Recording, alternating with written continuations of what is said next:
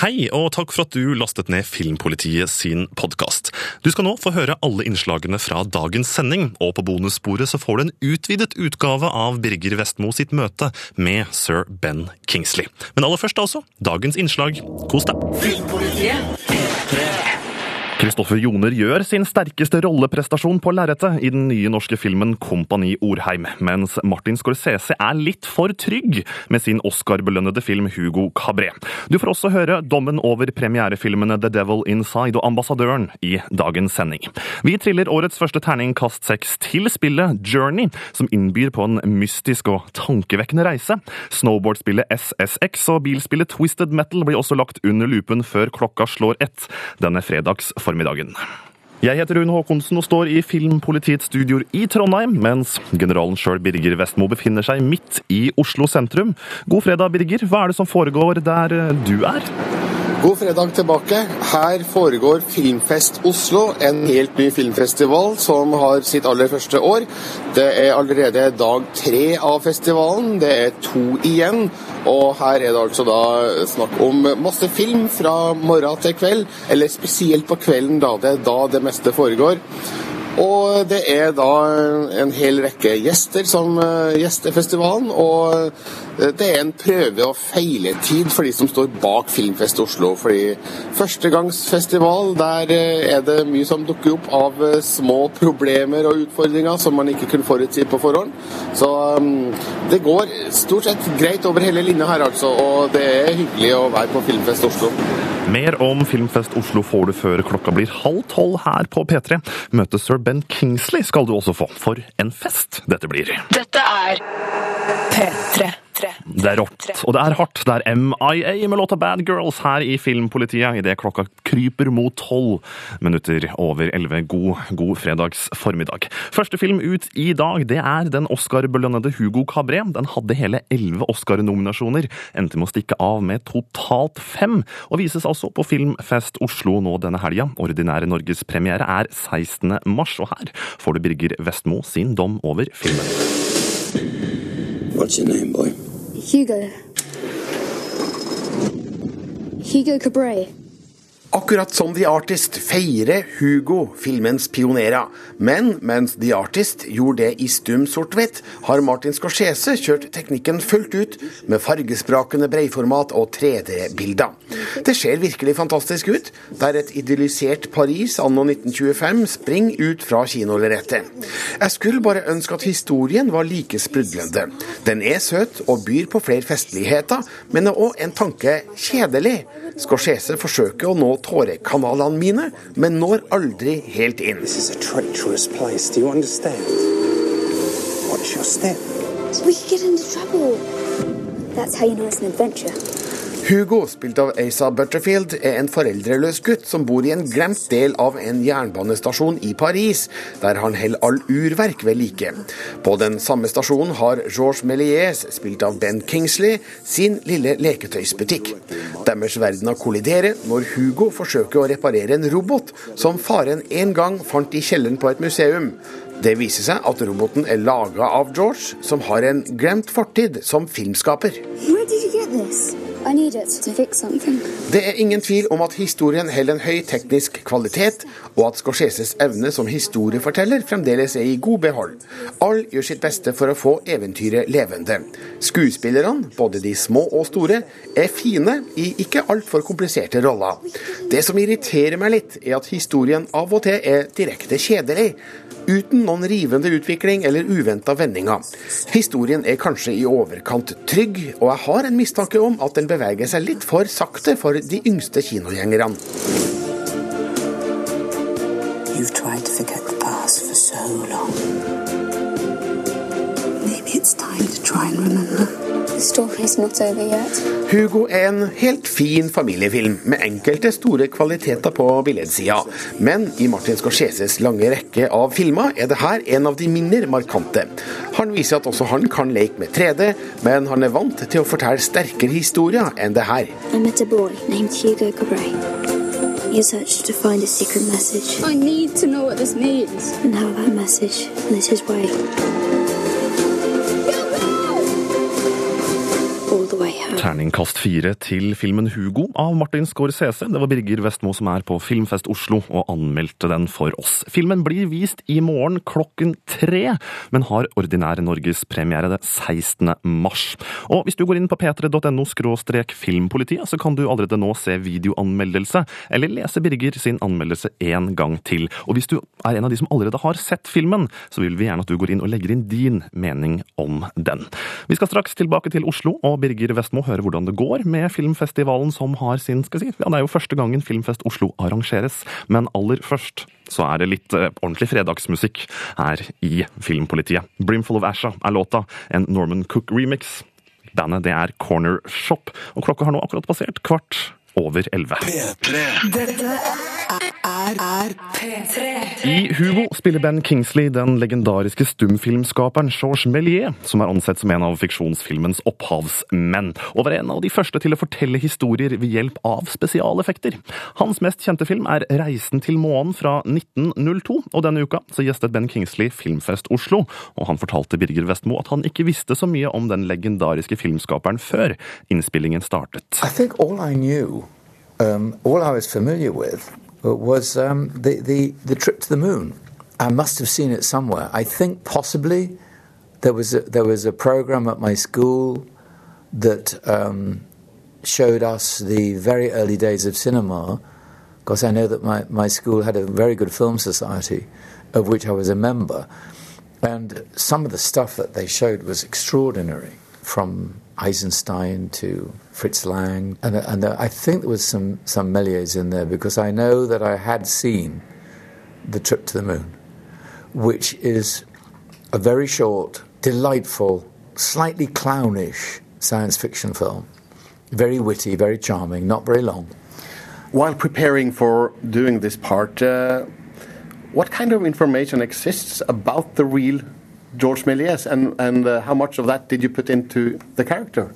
Fortunately, there are three layers of, of research, four layers of research that are absolutely sacred and wonderful. There's Mr. Scorsese's level, so already you're on a very secure platform. There's Brian Selznick's level, the novelist. Platform becomes even more secure and detailed. And then the screenwriter, John Logan.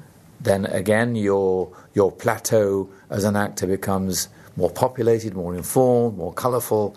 Um, then there is the actual film set where my toy shop was identical to George's from old photographs. So, had I looked at books for five hours, it would not have given me the same thrill as walking onto that set because there it was. I didn't have to research what it must have felt like to sit in the toy shop. I did. And, and I sat in it amongst a very busy railway station with extras walking past me, ignoring George. I felt invisible. Um, and you can't research that feeling of invisibility and loss. You have to experience it as an actor.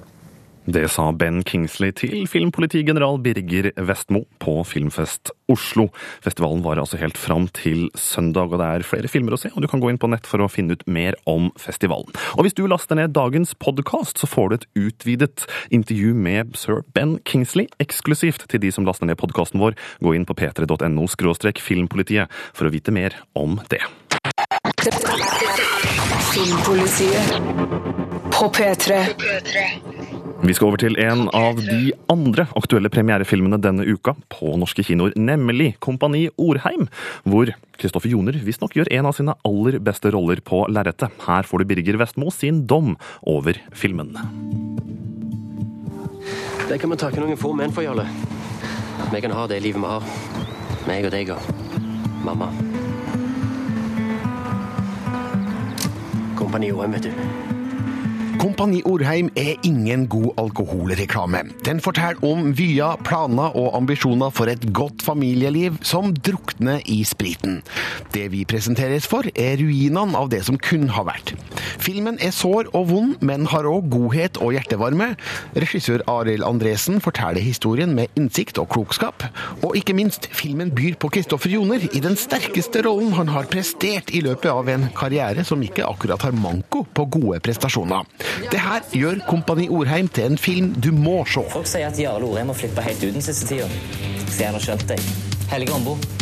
Vi møter så vidt Jale Klepp, spilt av Rolf Kristian Larsen, idet han mottar budskapet om farens død.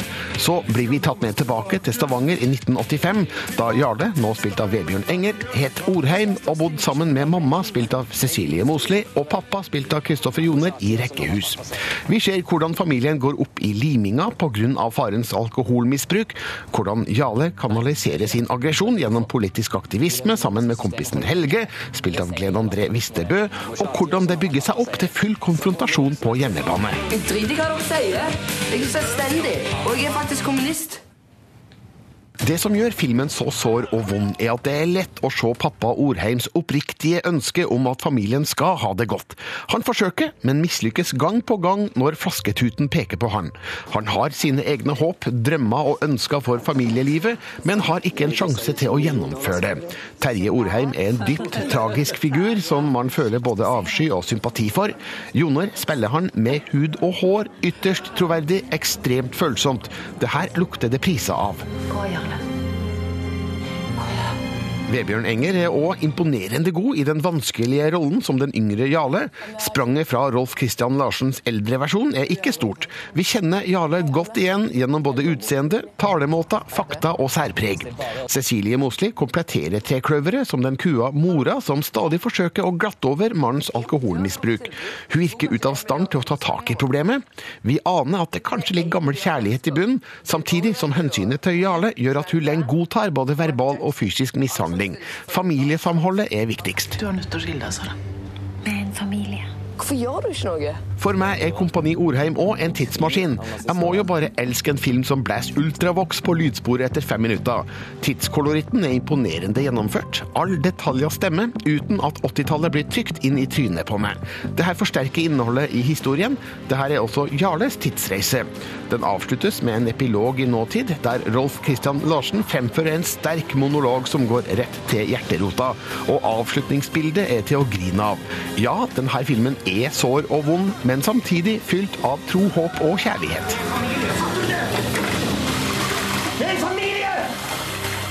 Terningkast fem til Kompani Orheim fra Birger Vestmo. Husk, du kan gå inn på p3.no skråstrek filmpolitiet og si din mening om filmen. Om syv minutter så skal vi inn i spillenes verden, for i dag kommer nemlig snowboardspillet SSX ut i butikkene. Nå er det Jace Everett. Artisten Ask Embla med låta Father's Eyes her i Filmpolitiet på NRK P3. Klokka har passert kvart på tolv, og nå skal vi inn i spillenes verden. I år 2000 så kom snowboardspillet SSX til PlayStation 2 og ble raskt en favoritt. Nå i dag, 2. mars 2012, så kommer en ny versjon av spillet ut på Xbox 360 og PlayStation 3. Her er Filmpolitiets dom over spillet. Bortsett for å ha et navn som fort kan lede til uheldige Google-søk, er SSX-serien kjent for å være alt annet enn naturtro og realistisk. Du breakdanser på brettet mens dubstepen durer, og når ditt flere hundre meter lange fall når slutten, skaper kraften fra landinga en gigantisk sjokkbølge som sprer seg rundt i det vakre vinterlandskapet. Det er snakk om latterlige snowboardstunt i supersoniske hastigheter og fall som ville drept sjølste hulken momentant. Fortelling i sportsspill er som oftest noe jeg klarer meg godt foruten, og SSX leverer som forventa en blodharry og uengasjerende møkkafortelling. Griff, et tidligere medlem av den superkule ekstrembanden SSX, har forlatt gjengen for å satse på sin selvfinansierte solokarriere. Av en eller annen mystisk grunn betyr dette at gjengen på totalt ni personer må reise i Griffs fotspor for å fullføre alle hans løyper, bare litt bedre. Under denne turneen blir du tatt med til destinasjoner som Himalaya, Alpene og Sibir. For hver destinasjon skal man gjennom en rekke kappløp og løyper hvor det konkurreres om å ha mest mulig stuntpoeng. Og til slutt må man utfordre selve fjellet gjennom en overlevelsesløype med unike naturutfordringer for hver destinasjon. For en nybegynner er SSX stort sett et spill som spiller seg sjøl.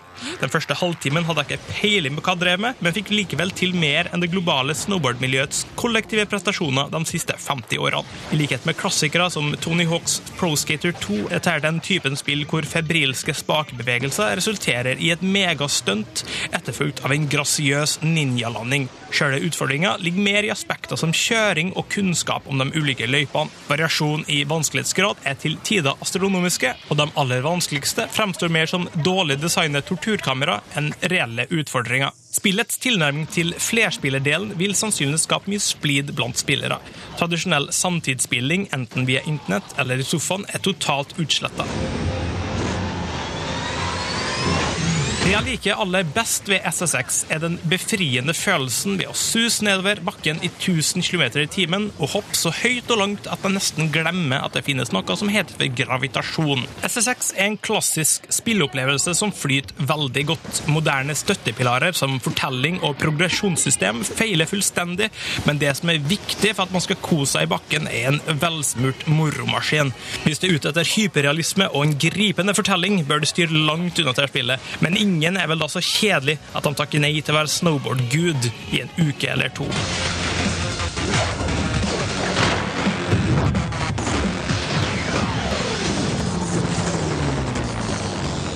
Spillanmelder Khalid Asam anmeldte SSX ute i butikker i hele landet i dag. Og hvis du går inn på p3.no filmpolitiet, kan du legge inn din mening om spillet. Khalid ga i hvert fall terningkast fem, fordi det er så morsomt å spille, ikke pga. den særlig gode historien. Snart skal vi få høre mer om aktuelle premierefilmer. 'Ambassadøren' er en dansk film som begynner på kinoer i dag, og du får høre mer om den etter blant annet Duffy. Du får Mercy her i Filmpolitiet. Klokka er ti på tolv. Dette, dette er P3. Hva skjer når en meget hvit europeisk mann kjøper seg en diplomattittel som over natten forvandler han til ambassadør i en av Afrikas mest mislykkede nasjonalstater? Hm.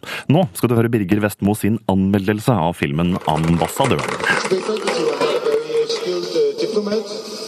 I am uh, bad at the protocol.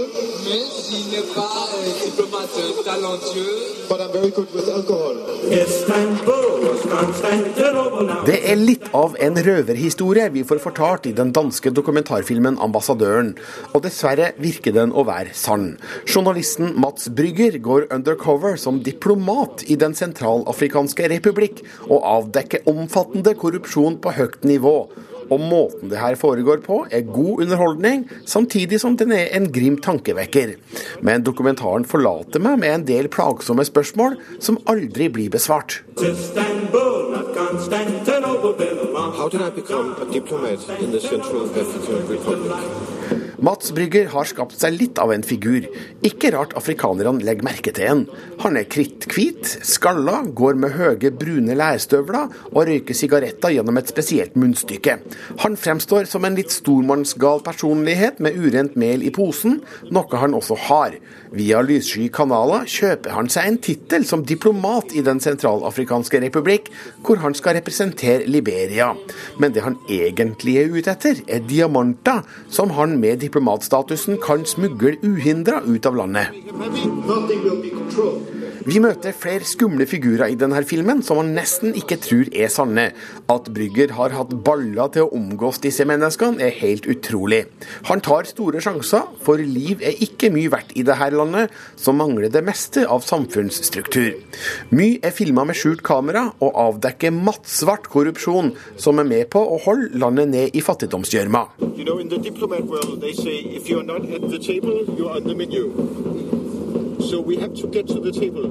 På et tidspunkt får han to pygmeassistenter, hvorav den ene ligner skummelt mye på Snoop Dogg. Brygger lurer nemlig en hel pygmestamme til å tro at han skal bygge en fyrstikkfabrikk som de skal få jobb i. Han henter til og med inn en fyrstikkekspert fra India og gir dem opplæring. Alt er selvsagt lureri, et dekke for det han egentlig tenker å gjøre. Fabrikken skal aldri bygges. Er det her ufint? Sjølsagt. Jeg skjønner motivet. Han vil få frem den hensynsløse korrupsjonens konsekvenser, men er det riktig av Brygger å gjøre det? Helliger målet middelet? Jeg tviler. As a dedicated diplomat, no problems with filming my meetings in secret. Når ambassadøren nærmer seg slutten, er det to store spørsmål som melder seg. Hvem har egentlig finansiert dette eventyret? En skarve dokumentarfilm har vel ikke slike budsjetter? Og hvor blir det av diamantene som Mats Brygger faktisk får tak i? Han velger å tie om det, i hvert fall i filmen. Det ser jeg på som uhyre problematisk. Mistanken vekkes om at han har berika seg på sine ugjerninger, eller i det minste finansiert filmen med bloddiamanter. Det er ikke kult. Men historien er likevel god, skremmende og morsom på en sorthumoristisk måte. The worst you can hope for is that you end up dead in a ditch in a tunnel. Terningkast fire til filmen 'Ambassadøren' fra Birger Vestmo. Og husk at du kan gå inn på p3.no filmpolitiet for å si din mening om filmen, og selvfølgelig lese alle filmanmeldelsene som vi legger ut. Om en par minutter så blir det klart for TV-serieprat, for på søndag så begynner den nye TV-serien Grim her i Norge. Nå får du Rihanna. Dette er Where Have You Been? The stories are real. What they wrote about really happened. You are one of the last Grims. You need to be careful. You're vulnerable now. Dette var altså lyd fra TV-serien Grim, som begynner på Viasat 4 nå på søndag. Torfinn Borchhus, TV-serieekspert, velkommen inn i studio. Takk skal du ha, Rune. Er dette noe som er verdt å få med seg? Jeg har lagt merke til at Viasat 4 prøver å reklamere driten ut av serien, så de må jo ha hatt stor tro på den sjøl. Hva sier du? Ja, de har kanskje sett mer enn meg, da, for jeg har bare sett første episode, og der er det litt labert. Det er litt labert, altså? Ja, det, det er fordi at um, det, det, handler jo om uh, drapsetterforsker Nick Burkhardt, som er en uh, helt vanlig fyr. Uh, Nokså ukarismatisk og sånn humørløs og kjedelig type. og så har han da med seg sitt svarte sidekick, Hank Griffin, og han prøver så godt han kan å piffe opp serien. Det er litt som 48 timer, det her, her med Mel Gibson og Danny Glover, altså i en slags eventyrkrim. Ja, for, for, her er det jo en litt sånn sterk kobling til nettopp Grim-brødrenes eventyr, Hans ja. og Grete osv. Ja. På hvilken måte gjør det seg gjeldende i serien? Nei, det, det, det, er jo det at den serien her gjør sånn som uh, for eksempel Once Upon a Time. Den tar eventyrhistoriene hans kjenner så godt og putter inn i nåtida. Og de drapsetterforskerne i dette tilfellet, der den ene av dem er en Grim, altså en som kan se på vanlige folk på gata om de faktisk der innunder hua er en varulv. Okay, eller heks. Så at de eventyrfigurene driver og skjuler seg under menneskehuden? De skjuler seg blant oss, ah. og, de, og, de, styres jo til sitt egentlige vesen. Altså, det vil si at en varulv klarer f.eks. ikke å helle seg i skinnet hvis det går noen rødkledde forbi. Det er Rødhette og ulven, ikke sant? Ja, en liten referanse der, altså. Ja, og Så det første episoden som jeg har sett, som har premiere på søndagen, den den, gir ikke, den, den, kommer ikke helt i mål når det gjelder å gi meg noen eh, noe rollefigurer å digge og knytte meg til. Det, det eneste, det er ei birolle her, som, som, er Silas Weir Mitchell. Han spiller varulven Monroe. Han er sånn John Turturro-snedig ah. raring. Han er en rehabilitert varulv som klarer liksom å beherske seg når det går noen forbi med rød hettegenser. Kan jeg da gjette at han kanskje kommer til å spille en liten rolle i etterforskninga etter hvert her, eller? Ping pong, Ping you have ten points, mister. Yes. og, eh, og, spesialeffektene er kule, de jeg ser. Det som, er, det som, jeg legger merke til i første episoden, er at den er nok gjort litt Den er nok, den er nok tona litt ned på volden fordi at de skal tekkes et yngre publikum. Ja, Aldersgrenser, altså. Ja, men akkurat i det du ser gjennom øynene til etterforsker uh, uh, Burkhardt at folk skifter vesen idet de går forbi. Så ser du sånn Ser du ei pen dame plutselig bare bli en makaber heks, det er kult. Og det kan jo hende at, uh, som jeg ser folk allerede har kommentert på saken, som ligger på um, P3NO Filmpolitiet, så tar serien seg opp etter hvert. Det håper jeg han gjør. Så, så, så for det er en god idé. For, okay, du er ikke helt imponert over første episode, men kommer du til å følge med videre? er mitt spørsmål da. Jeg tror ikke jeg kommer til å gjøre det, altså. Uh, et, et, det er så mye annet bra å se på. så, men for folk som er eventyrjunkier uh, og, og, og digger digge det her og ikke trenger all den volden som jeg trenger, så er det bare å Så vil de sikkert sluke det rått. Grim begynner også på Viasat 4 på søndag. Takk til Torfinn Borchhus, TV-serieekspert i Filmpolitiet, og minner også om gå inn på p3.no skråstrek filmpolitiet for å lese mer om serien. Filmpolitiet på P3. I går kveld så lagt ut noen bilder på internett som så ut til å bekrefte at Assassin's Creed 3 skal foregå i den amerikanske revolusjonen, altså eh, på 1800-tallet i USA. Det er et ganske interessant valg, siden spillene så langt har holdt seg til middelalder- og renessanse-Europa. Spesielt er jeg spent på hvordan eh, utviklerne i Ubisoft kommer til å løse den skal vi si, arkitektoniske utfordringen, for hvordan skal vår helt i Assassin's Creed kunne løpe over hustak når det plutselig er midt inne på den amerikanske landsbygda? Mer om Assassin's Creed 3 får du på uka på nettsiden våre p3.no filmpolitiet. Nå straks skal vi få høre en ny anmeldelse av en aktuell premierefilm. Det er skrekkfilmen Devil Inside, som Birger Vestmo har sett. Og du får høre hans P3. Jeg heter Rune Haakonsen, og det skal handle om skrekkfilm. For noen ganger så er det slik at jeg bare har lyst til å gå på kino og bli skikkelig skremt. Jeg er en sånn fyr som liker å bli revet med når jeg er på kino. Denne uka har filmen The Devil Inside premiere, og den forsøker hardt å skremme publikummet sitt. Her får du Birger Vestmo sin dom over filmen. When I was about eight years old, my mother murdered three people.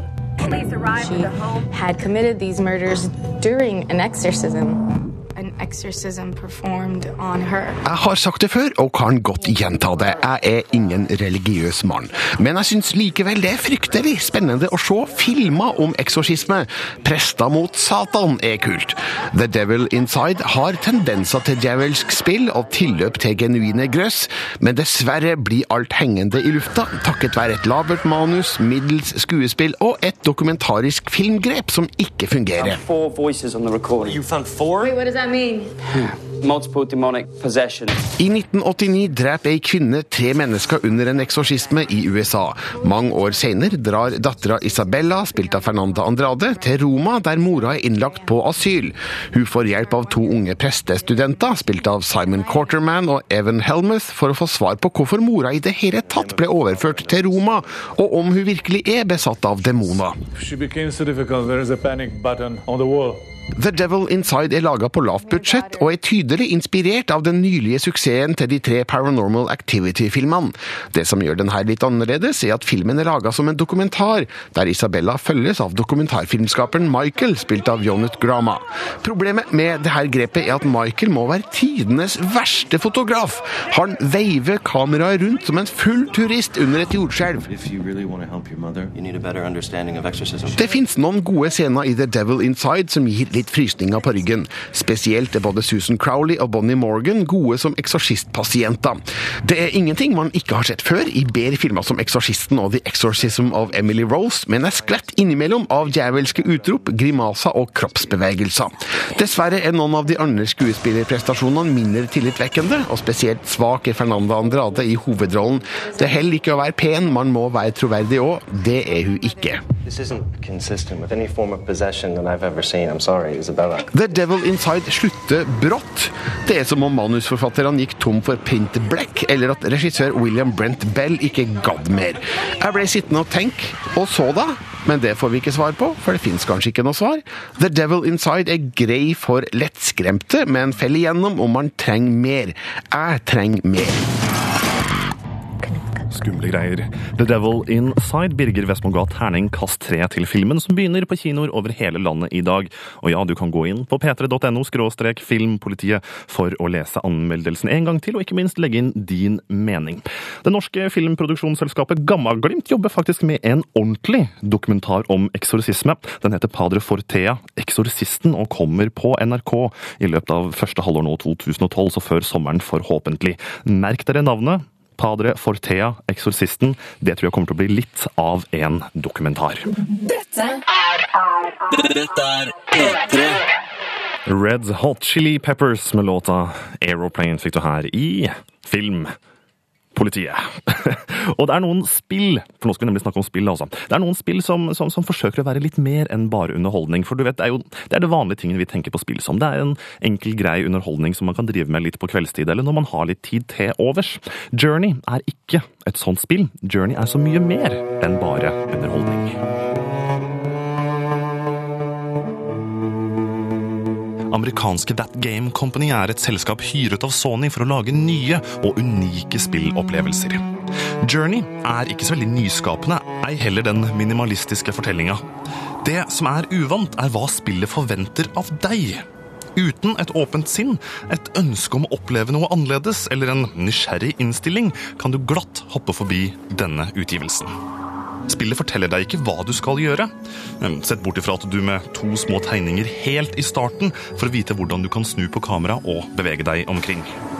Journey er designet slik at du, uavhengig av alder, språk eller kulturell bakgrunn, skal forstå hvor du skal bevege deg og hva du skal gjøre.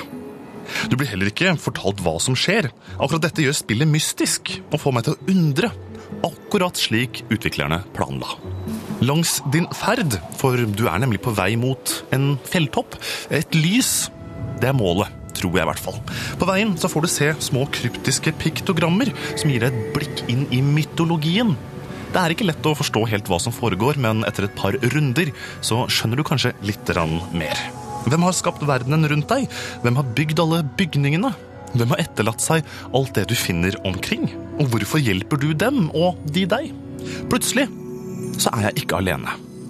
På vei mot toppen av fjellet og mot lyset så dukker de opp innimellom en person her, og så er den borte igjen. Kanskje en annen person også dukker opp. Journey har nemlig en veldig spesiell form for flerspiller. Ved at du og en annen person fra et eller annet sted i verden blir koblet sammen. Dere kan ikke snakke eller kommunisere, men dere kan bevege dere mot lyset og slutten av spillet sammen. Hver gang jeg spiller igjennom Journey, ja, for det er ikke et veldig langt spill, så begynner jeg å tenke. Jeg tenker på stort, jeg tenker på smått. Slik påvirker spillet meg. Det er lett å dra inn diskusjonen om spill som kunst når en prater om journey. Det er ikke nødvendig å tenke slik for å oppleve spillet. Prøver du det, så opplever du kanskje noe helt annet eller akkurat det samme som meg. Det er et unikt spill, det kan jeg skrive under på, og jeg får igjen troen på at det er de mindre utviklerne med ambisjoner utover å toppe salgslistene som står for de virkelig nyskapende spillopplevelsene. Noen ganger er det totalt skivebom, og noen ganger klarer et spill å tre ut av sin tradisjonelle rolle som underholdningsmedium. Journey er så mye mer enn bare underholdning. Du hørte nettopp min anmeldelse av spillet Journey, som jeg ga terningkast seks. Og det skaper sikkert litt reaksjon og litt diskusjon. Og hvis du går inn på p3.no skråstrek filmpolitiet, så kan du lese hele anmeldelsen en gang til, og ikke minst legge inn din mening i kommentarfeltet. Vi skal holde fokus på spill også det neste kvarteret her i Filmpolitiet. Straks kommer Marte Hedenstad på besøk for å fortelle om spillet Twisted Metal, som ligger i andre enden av skalaen fra Journey, for Twisted Metal er nemlig et helsprøtt gærent action-bilspill. Og du skal også få høre musikk fra M83, Coldplay og Delilah blant annet. Akkurat nå, derimot, så er det Adele på P3 med låta Turning Tables. Og det er Adele som har den, altså. Det er ikke, ikke vår venn Lido Lido. Du hører på Filmpolitiet. Klokka har passert fem over halv ett denne fredags ettermiddagen som det nå har blitt. Dette P3. M83 i Filmpolitiet på NRK P3. Klokka er straks kvart på ett, og akkurat nå så skal det handle om et helsprøtt bilspill som heter Twisted Metal. Ta en liten lytt på det her. her. Looks like Calypso's got himself another driver for this year's contest. The special weapon has regenerated.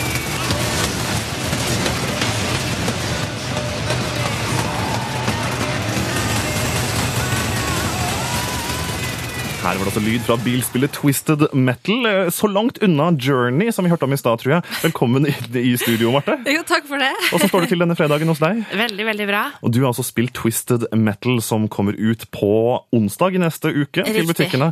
Eh, Fortell kort, åssen spill er dette? Det her er et helt sinnssykt eh, bilspill, fullt av kanoner, pistoler, flammekastere. Det er da et bilspill hvor du skal konkurrere mot andre og knuse de, rett og slett ødelegge de andre bilene. Her får du poeng for å krasje mest mulig, er det så? Ja, det er akkurat eh, sånn det er. Og så er det også sånn at eh, det er flere moduser i det spillet her. Noen er sånn at den siste som overlever, er vinneren, da. Eh, Jeg merker jo allerede nå at jeg tenker hei, hei, det her må være morsomt, for man kan jo ikke akkurat krasje rundt i biler i virkeligheten, så kanskje dette er noe man kan gjøre i spill. Er det morsomt? Ja, det er absolutt morsomt, men jeg syns kanskje det er litt slitsomt i lengden. Det er veldig mye bra musikk her, metallmusikk, men det er veldig mye skyting og veldig mye, det er veldig mye bråk, da. Vi hører jo musikken i bakgrunnen her, som Ja. kanskje gir en indikasjon på hva slags type spill det er. Ja. La oss bare høre et par sekunder på det her. Det er, litt sånn tung, industriell rock, metall, og da tipper Ja. jeg nok at det er litt sånn samme visuelt Helt uttrykk òg, da. Det er det. Det er veldig eh, gritty, om jeg kan si det, bruke det ordet. Veldig sånn skittent og eh, grumsete, eh, men det er absolutt et veldig underholdende spill. Eh, Veldig mye kaos eh, på, hvis du spiller eh, multiplayer på nett, altså flerspiller på nett, så kan det være opptil 15 spillere. Da kan du tenke deg 15 spillere med helt sinnssyke biler som prøver å ødelegge og krasje og eksplodere hverandre i lufta. Så det er jo et helt eh, sprøtt kaos. Du har gitt terning kast fire til Twisted Metal. Hva er det som trekker ned på spillet, da? Det er, For min del så syns jeg kontrollene er eh, veldig dårlige. Eh, Det er jo, du kan tenke deg en blanding av bilspill og actionspill. Så er det da et litt sånn problem med å finne ut hvor man skal plassere de ulike kommandoene. Så det, det er mange knapper, rett Det er veldig mange knapper å trykke på, eh, og jeg syns at det er løst på en litt tungvint måte. Eh, Hvis man blir vant til det, som man jo blir om man spiller det mye, så vil det nok bli enklere etter hvert, men for meg så føles det rett og slett for unaturlig for fingrene mine, rett og slett. Det var altså terningkast fire som var din endelige dom, og da vil jeg avslutte med å spørre, kommer du til å plukke opp Twisted Metal og kose deg på kveldene framover? Kommer nok ikke til å gjøre det, men jeg veit om veldig mange andre som kommer til å gjøre det. Takk skal du ha, Marte Hedenstad, for å anmelde Twisted Metal. Og hvis man går inn på p3.no filmpolitiet, så kan man som vanlig lese anmeldelsen og si sin mening der. Her på P3 nå, i Filmpolitiet, så er det Roman Holiday, Fuel the Fire. Klokka har passert kvart på ett. Filmpolitiet på P3. Harry Potter-skuespilleren Emma Watson er klar for Sofia Coppolas nye film The Bling Ring, som handler om en gjeng skal vi si, kjendisgale tenåringer i Los Angeles. Det blir spennende å se hva Sofia Coppola hopper opp med denne gangen. Hun er jo tidligere kjent for filmer som Lost in Translation, Marie Antoinette og ikke minst Somewhere. Den nye filmen til Tim Burton er på vei, og du kan nå gå inn på YouTube for å sjekke ut traileren til filmen som følger Victor, en ung gutt som eh, sørger over tapet av sin skal vi si, gode gamle venn, hunden Sparky. Og det ser ut til at Tim Burton holder seg i sitt kjente univers med stop motion og ikke minst mørke og litt dystre bilder. Top Gun 2 er tydeligvis på vei, siden eh, filmstudio Paramount har hyra The Town-manusforfatteren Peter Craig til å skrive en ja, skal vi si, høytflyvende etterfølger. Enda, det er ikke blitt bekrefta om Tom Cruise vender tilbake, men det hadde jo unektelig vært interessant å se han på nytt i den filmen. Her, Delilah, Love You So på P3. Dette er P3. Delilah, Love You So i Filmpolitiet på NRK P3. Nå er vi snart tom for sendetid, hvilket betyr at jeg, Rune Håkonsen, takker for følget i dag, og minner om at du kan gå inn på p3.no filmpolitiet for å laste ned vår podkast, hvor du i dag får en eksklusiv utvida utgave av intervjuet med sir Ben Kingsley. Straks er det klart for nyheter, og etter det så er det popsalongen her på P3. Fram til nyhetene Florence and the Machine. You Got The Love. God helg. Du har nå hørt alle innslagene fra dagens Filmpolitisending, fredag 2. mars. Og på bonussporet i dag så får du høre en utvidet utgave av Birger Vestmo sitt møte med sir Ben Kingsley, som spiller en viktig rolle i filmen Hugo. I just have to check that this thing records properly. Good, because I have to redo it in a few minutes, almost. Oh. For Opera magazine, because something went wrong. And I can't remember what I said because it's so extempore, extempore you know? I Yeah. just. So you answer differently to the same questions. Absolutely. Absolutely. Okay. uh, you know, every face is different. Every um, every face is different. Every uh, uh, demographic group that are listening or watching yeah. or reading is, is, is different. So, um, Well, my listeners are fairly young, uh, so we're like the BBC Radio One Yeah, type yeah, of audience, and uh, um, chances are most of them have never heard of George Méliès. Mhm. And uh, while watching Hugo, it dawned upon me that even I don't much don't know much Well, about I him. I didn't. Uh, what did, did you know about him before shooting the film? I think I think all I knew, um, all I was familiar with, was um, the, the the trip to the moon. Um, I must have seen it somewhere. I think possibly there was a, there was a program at my school that um, showed us the very early days of cinema. Because I know that my, my school had a very good film society, of which I was a member. And some of the stuff that they showed was extraordinary. From Eisenstein to Fritz Lang to, uh, and, and I think there was some, some Méliès in there because I know that I had seen The Trip to the Moon, which is a very short, delightful, slightly clownish science fiction film. Very witty, very charming, not very long. Uh, and uh, if if if your if your listeners can have get an opportunity to to see the original, in fact, you don't need to. So much of the original is recreated in Marty's movie. Not only is it recreated in Marty's movie, but we've built the studio in which Méliès used to work, which, in order to capture the light, because they didn't have artificial lamps at that time, um, was made of glass. It's since collapsed, uh, but m- Mr. Scorsese and, and his designer, Dante Ferretti, rebuilt the studio almost exactly to scale so that, so that the audience have an opportunity which I think is so wonderful.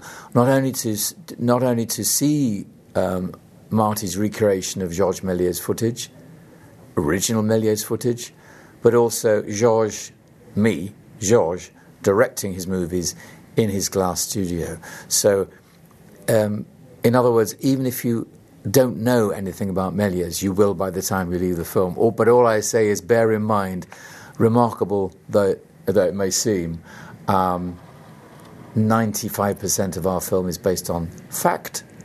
Uh, the magic ingredient that is invention from, uh, from Brian Selznick's book is the little boy Hugo. Uh, there was a little girl in George's life whom he adopted, um, but the little boy is an, in, is, a, is an invention of the imagination. But something must have rescued George from death in obscurity. Um, it might have been a series of coincidences, somebody coming across some film in an attic, or some academic discovering that he was not dead because they thought he was dead. But all this is coalesced and focused in the body and mind of, of a little boy who, who heals everything he touches. While preparing for doing this part, uh, what kind of information exists about the real George Méliès, and, and uh, how much of that did you put into the character? Fortunately, um, there, are, there, there are three layers of, of research, four layers of research that are absolutely sacred and wonderful. There's Mr. Scorsese's level, so already you're on a very secure platform. There's Brian Selznick's level, the novelist. Platform becomes even more secure and detailed. And then the screenwriter, John, um, uh, John Logan. Then again, your your plateau as an actor becomes more populated, more informed, more colourful. Um, then there is the actual film set, where my toy shop was identical to George's from old photographs. So, what I'm saying is that remarkably, had I looked at books for five hours, it would not have given me the same thrill as walking onto that set because there it was. I didn't have to research what it must have felt like to sit in the toy shop. I did. And, and I sat in it amongst a very busy railway station with extras walking past me, ignoring George. I felt invisible. Um, and you can't research that feeling of invisibility and loss. You have to experience it as an actor. And what helped me experience it was was seeing so many of George's films that Marty Scorsese allowed me to see through a box set of DVDs, reenacting his um, his joy at being the king in his glass palace when he was directing, the pain of burning my sets, costumes, drawings, burning my everything uh, and I, as an actor, being able to st- stand on that bonfire and burn the beautiful moon's face, the costume that I was wearing two days ago, um, the drawings of my pretty wife, I, I, Kingsley, burnt that. I experienced that. So the king in his palace, the destruction of his kingdom, and then the exile into the toy shop Yes, I could have researched it academically, but I experienced it physically. And I think that gives all the actors, thanks to Martin Scorsese, makes the film expensive because he, he gives you the most extraordinary space in which to work. Um, we walked from the station across the graveyard, across a cobble street, up some stairs to my apartment. One journey. We didn't have to keep cutting. That was one journey. Uh, it was all built. Very little CGI. All a feast to the eye. Old Paris, uh, my George's apartment, George's toy shop, um, and also you can't. I totally accept the importance of research. Don't don't get me wrong, but there's nothing nothing can prepare you. I'm quoting Meryl Streep here. Um, for a scene, and uh, you don't know how a scene is going to go, really going to go, until you meet your fellow actor. And my fellow actor in this is Asa Butterfield, and he is an extraordinary child to work with. And to be honest, very little acting on my part. React to the boy. His grief, his urgency, his curiosity, his bravery, um, his innocence, his spiritual strength, all there, all there in my fellow actor. So I don't need, I don't need to pretend, as an actor, pretend, oh dear, okay, I'll try and fix this, but I wish it was another actor. No, because Marty always chooses his actors perfectly as well. So it all comes together in a lovely mix. Um, during the Oscars, you gave a very heartfelt speech on tape um, to Martin Scorsese. Now, this must be a stupid question, maybe, but uh, what does he mean to you, um, you know, director, and you as an actor? Well, I I do tend, and I'm, I'm sure I hope Marty will forgive me. I do tend to put Martin Scorsese on a pedestal. I do tend to put his noble profile on a Roman coin. I do tend to deify him. Um, he is cinema. And it's very hard to describe what it feels like to possibly embrace the idea that Martin Scorsese thinks of me as an equal. I find that astonishing. But on the set, meeting him socially, um, he, he, treats me like an equal. He trusts me very much, and I find that absolutely extraordinary. Because he, in that trust, he is allowing my craft to grow. He's allowing, he's, there's, without teaching me, there's so much teaching going on in just the politics of the film set, his graciousness, his clarity of imagination, his courage experimenting with 3D for the first time. So, to have um, to have Marty uh, treat me like an equal is is deeply touching, and it really puts me on the spot because I have to earn that. I have to earn that. A remarkable trust he puts in me, as I had to with Attenborough, as I had to with Spielberg, as I had to with with um, John Glaze, Jonathan Glazer, as I've had to with all the great directors I've worked with, because um, suddenly you realise, oh, it's a level playing field. I've got no excuses. when I'm watching, well, I've never met Martin Scorsese. I hope to do so one day. Yes, but, I hope but, do. Uh, when I see him in interviews and other occasions, he seems like the nicest guy possible. Mm-hmm. Is that the same guy you meet on the set? Um, very much so. Um, there's a generosity of spirit. Uh, there's there's um, an embrace artistically. Um, embrace that he, uh, an embrace he gives to everyone on the set. Um, everyone's an equal, and he, I, I, noticed him talking to the children, Asa and Chloe.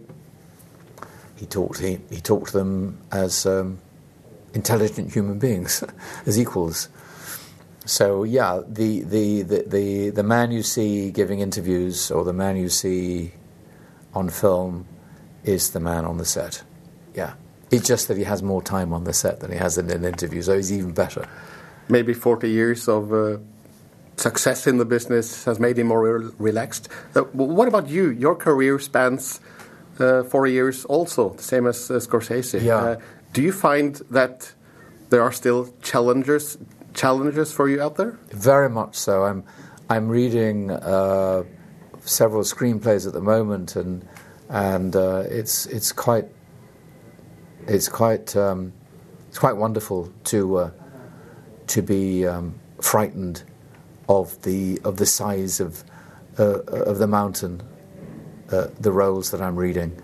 Uh, but hopefully, you know, you convert them into because we make something out of nothing uh, in the film business. It's very strange. It's it's ink on a page, or um, or print on a Kindle, whatever whatever you're reading, um, and and out of it comes this most extraordinary, complex, beautiful dance on the screen, and uh, as an actor and as a producer, I'm uh, thrilled to be thrilled to be part of this business, and so wonderful to keep company with, with Marty and and these these other great people to to push and to explore, because the way we tell stories is changing almost hourly, and to, to be part of that is this is this is a very exciting time.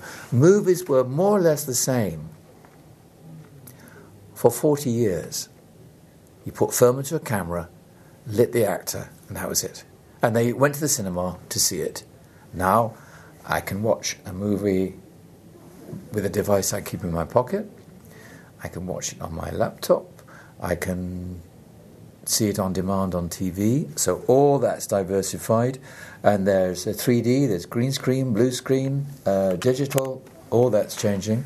So um, it's a great time to be an actor now. But does that change the way you work as an actor? Well, certainly 3D did. The 3D camera is so um, so investigates your process that you need to be you need to underact in a sense. You need to pull it back into into you because it's like an X-ray camera. It can see into you, uh, so that my performance as George, my first 3D experience, under the under the guidance of Marty. Um, is, I hope, what I would call a modest performance. It's not displaying for the camera because the 3D camera will say, please stop doing that.